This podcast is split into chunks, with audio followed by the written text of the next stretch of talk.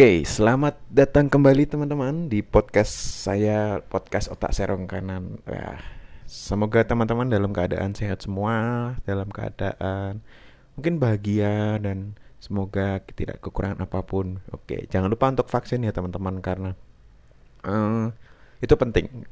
Ya, vaksin itu penting supaya kita bisa segera keluar dari pandemi dan bisa ya sedikit agak normal daripada sekarang ya jadi vaksin itu penting. Oke hari ini aku nggak mau ngomongin vaksin hmm, nggak hmm, mau ngomongin tentang apa pun tapi mungkin ini uh, aku mau berbagi tentang mental health issues jadi persoalan-persoalan kesehatan mental gitu.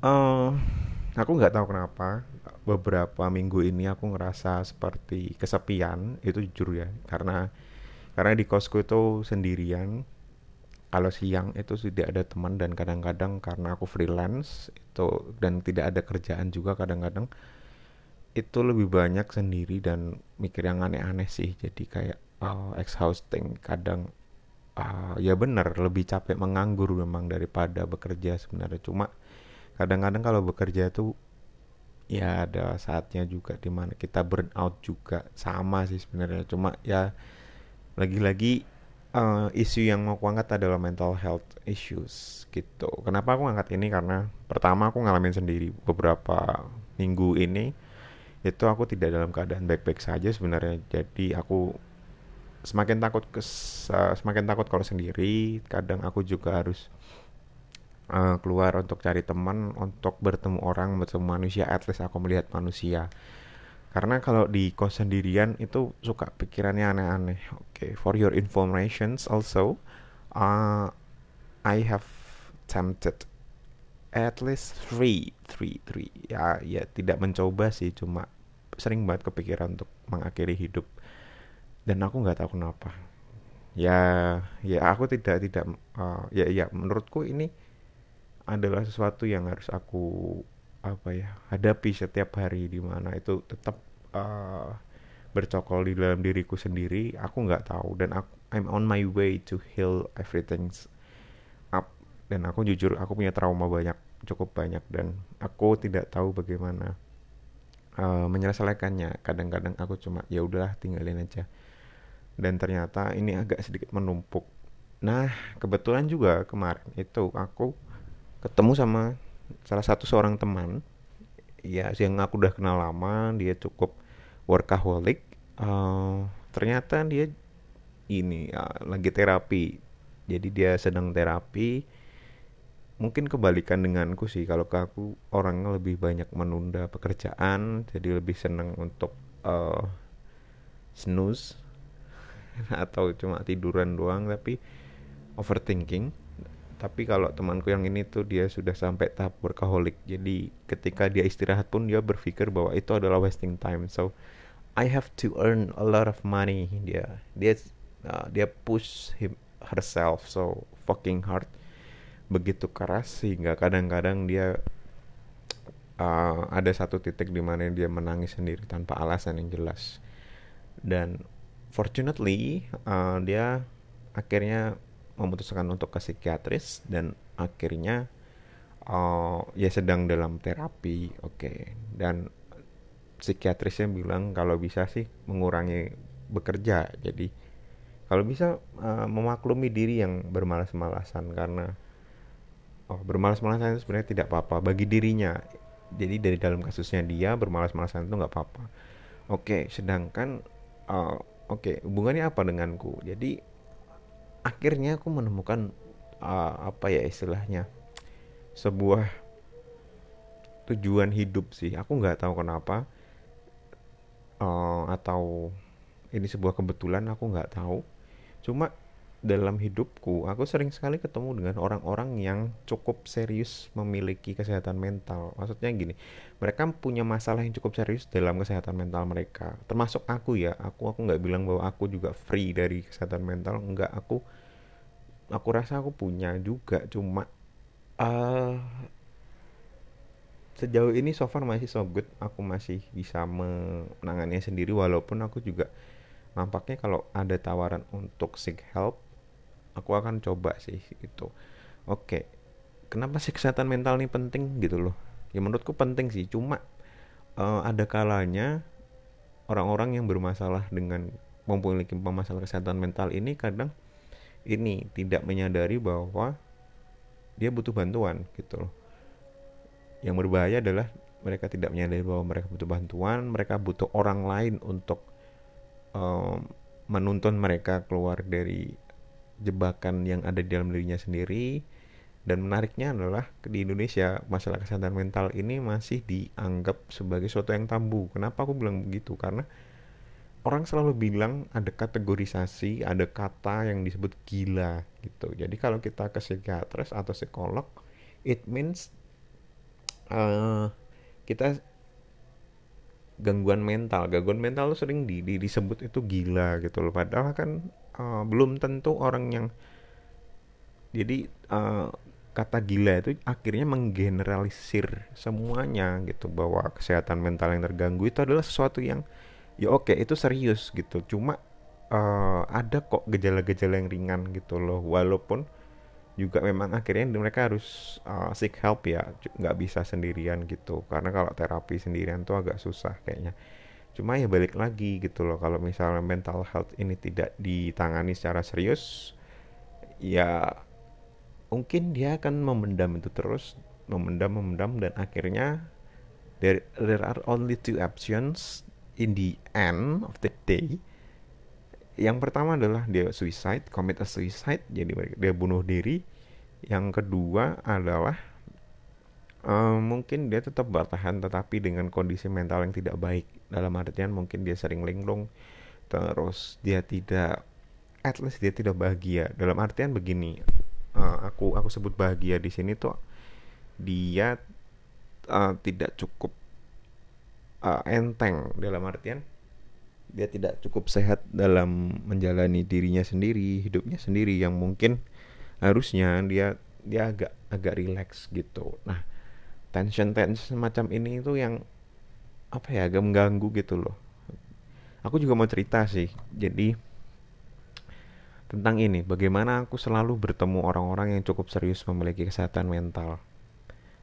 Uh, maksudnya memiliki masalah kesehatan mental yang cukup serius. Yang pertama, ketika aku ngajar di suatu sekolah di Semarang, sekolah swasta, uh, untungnya aku nggak tahu ini untung atau rugi atau atau aku nggak tahu. Tapi aku di sana bertemu dengan dua kasus yang cukup serius. Yang pertama adalah uh, ini kasus yang cukup umum ditemui di anak-anak remaja walaupun umum cuma ini ini dalam taraf berbahaya kayak karena uh, dia sering ini apa self harm jadi dia sering melakukan self harm dan kalau ke sekolah dia pakai hoodie dan tangannya itu dan tangannya itu ini apa kayak penuh bekas siletan gitu. Dan dia selalu bilang kalau itu tuh dijakar kucingnya.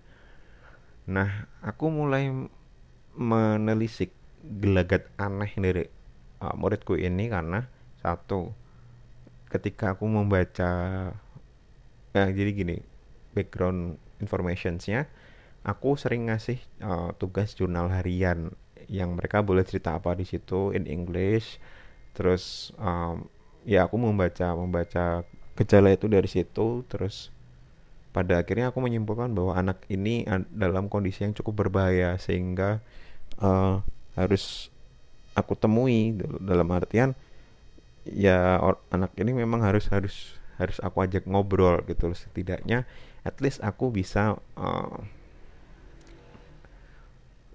mengetahui dia di tingkat yang mana gitu. Atau adakah sesuatu yang aku bisa bantu begitu nah aku sangat hati-hati untuk menghadapi orang-orang seperti ini karena tidak mungkin langsung dia ngomong speak up, up apa pun yang dia rasakan karena oh, ketika trauma itu begitu mendalam, begitu sakit di dalam sana, biasanya orang itu cenderung untuk menutupi entah itu dengan jokes, entah itu dengan candaan atau dengan diam saja atau dia marah, emosi yang meluap-meluap gitu.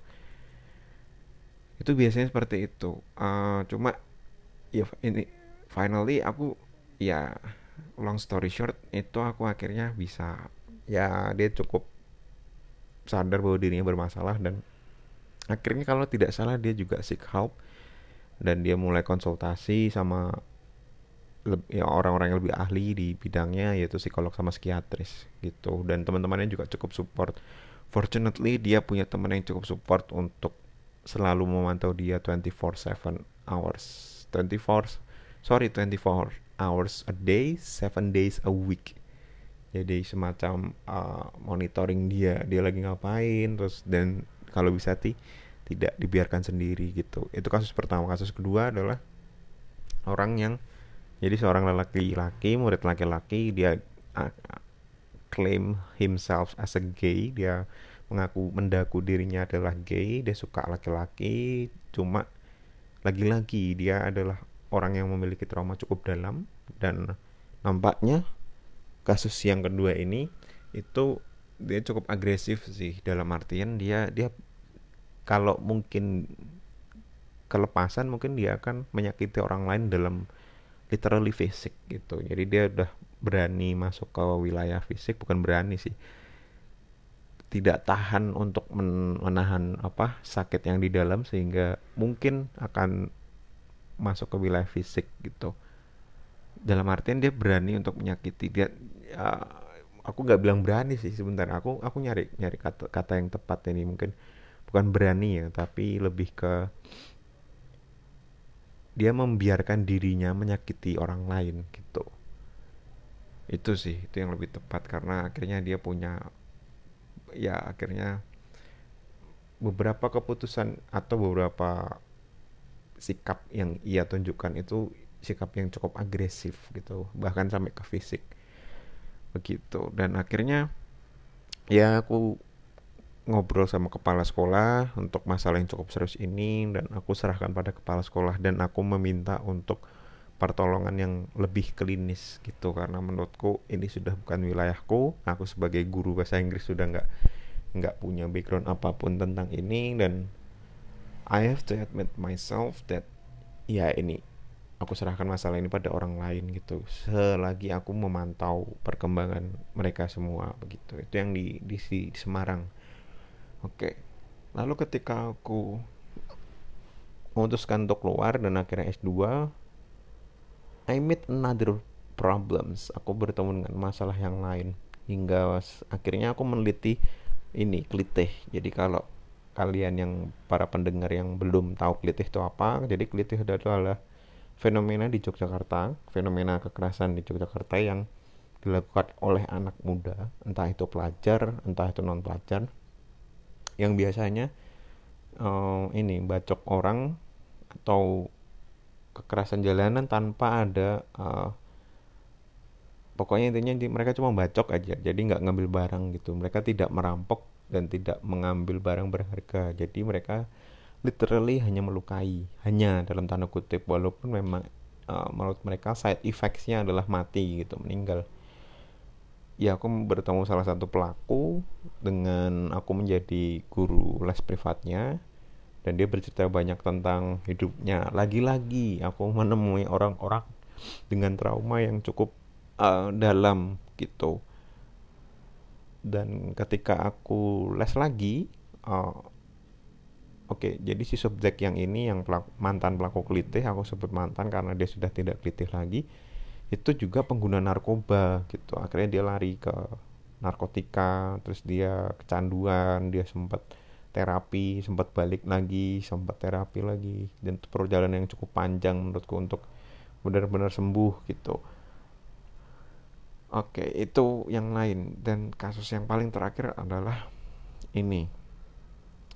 Kamu bisa bayangin gak sih seorang anak SMP oh, eh, perempuan tentu saja yang dia memiliki kecenderungan ore sorry dia memiliki orientasi seksual biseksual dia bisa suka sama cewek dan cowok. Keluarganya broken home. Ayah dan ibunya sudah berpisah. Terus apalagi ya dia sem dia mengalami dua kali kasus pelecehan. Yang pertama ada di keluarga yang kedua ada di uh, neighborhood. Jadi di tingkat sekitar rumahnya. Dia pernah pernah mengalami pelecehan seksual uh, aku aku kurang tahu uh, detail kasusnya seperti apa dan akhirnya dia memutuskan untuk tidak cerita kepada siapa-siapa dan memendam itu di dalam dirinya sendiri. Nah, dari semua kasus yang ada ini, aku jadi bertanya-tanya gitu, uh, kenapa cukup banyak orang yang ada di sekitarku yang ternyata memiliki masalah yang cukup serius dalam kesehatan mental gitu loh. Penyakit mereka ini adalah penyakit termasuk aku sendiri gitu. Aku cukup punya banyak PR untuk uh, kedewasaan mentalku sendiri gitu. Jadi aku rasa aku sendiri pun masih punya PR gitu. Tapi aku selalu bertemu dengan orang-orang yang punya PR yang jauh lebih besar gitu loh. Dan aku uh, aku suka membantu mereka. Jadi tidak dengan saran tapi aku aku suka mendengarkan cerita mereka dan akhirnya tertarik gitu untuk untuk ngobrolin ini. Makanya un untuk episode kali ini aku ngomongin kesehatan mental gitu karena uh, aku nggak tahu ya kenapa uh, Indonesia itu belum belum sampai ke sana belum sampai uh, kesehatan mental itu adalah sesuatu yang perlu gitu loh. Kita oke okay, mungkin sudah ada awarenessnya ya tapi awareness itu tidak masuk ke dalam semua orang gitu loh bahkan kayak ada yang ngomong uh, yang cukup uh, menurutku cukup offended sih ini pernyataannya. Jadi dia salah satu temanku pernah ngomong kayak gini bahwa masalah kesehatan mental itu masalah middle class masalah orang-orang menengah ke atas. Enggak.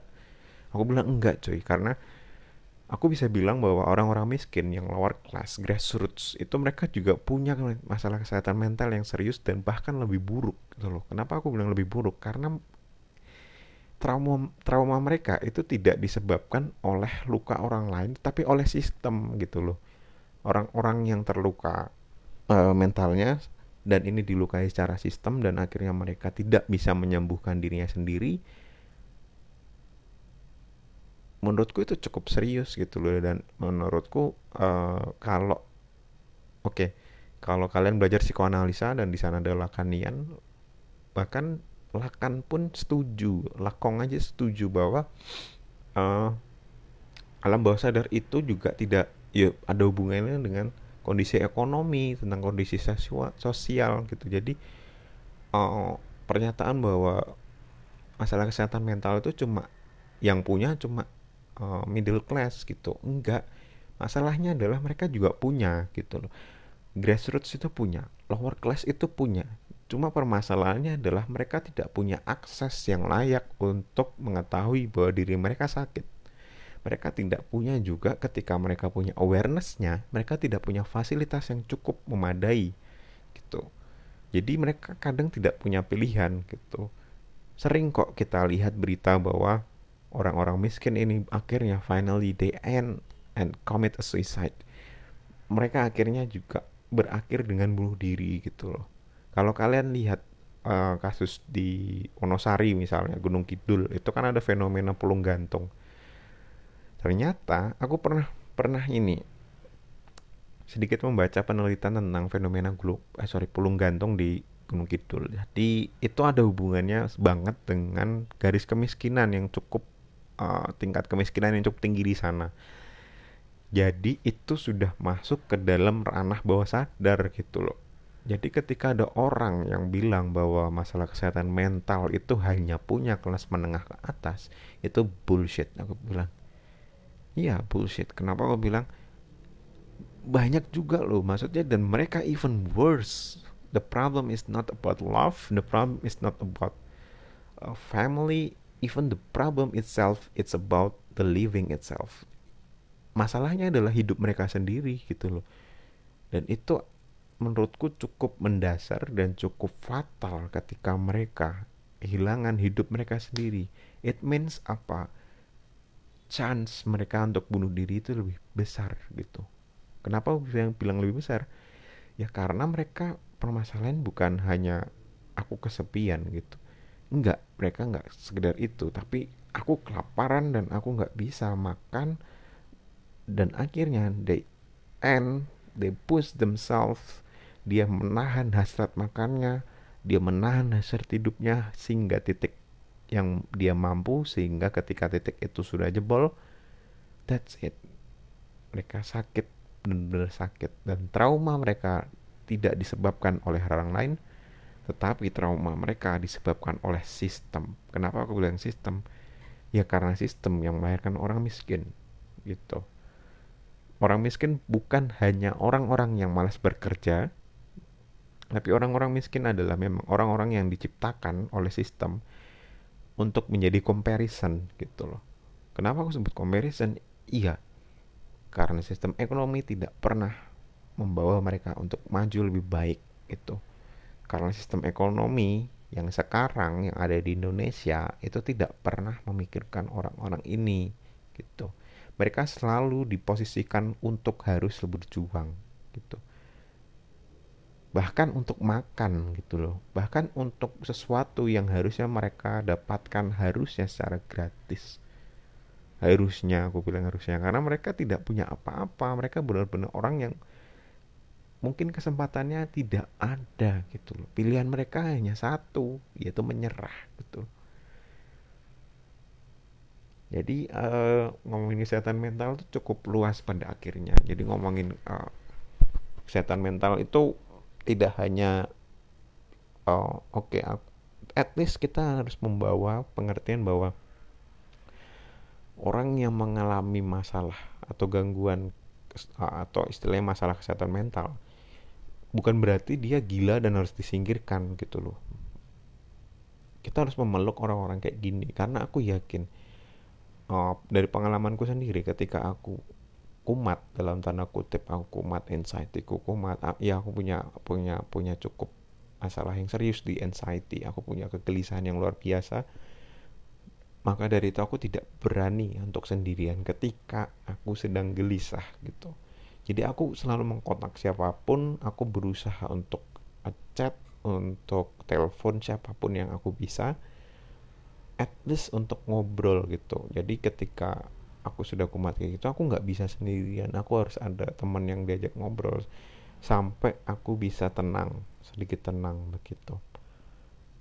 Itu sih. Jadi uh,